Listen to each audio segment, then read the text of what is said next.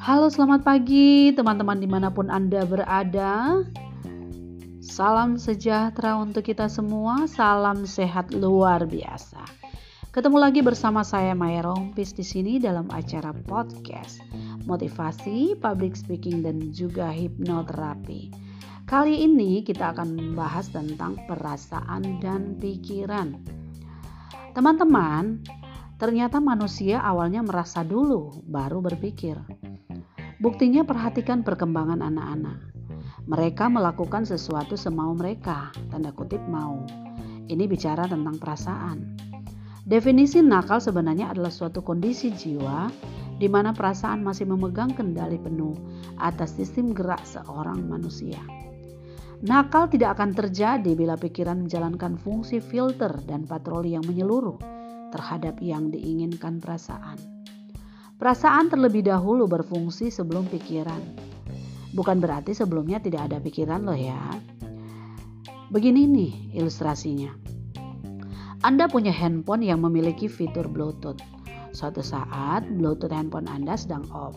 Saya mau tanya, Bluetooth Anda ada atau tidak? Ada kan? Berfungsi tidak? Tidak kan? Tapi ada tidak Bluetoothnya? Ya ada. Sampai kapan pun manusia akan punya masalah dengan hati atau perasaan. Seberapa modern pun pikiran seseorang, tetap saja pada saat perasaannya sedang kacau, maka akan pengaruhi juga pikirannya. Boleh Anda coba. Seseorang yang pendidikannya sangat tinggi, katakanlah beliau adalah profesor, doktor, dan sekian jumlah titel master dan backholder di belakangnya. Mari kita buat eksperimen. Cek di saat-saat di mana ia sedang kehilangan sesuatu yang ia butuhkan atau orang yang ia cintai sedang sakit.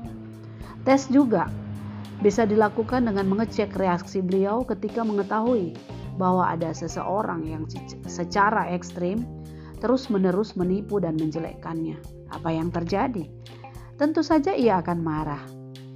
Nah, ketika ia sedang marah dan sedih, apa semua gelar pendidikannya memegang peranan di situ? Tentu saja beda.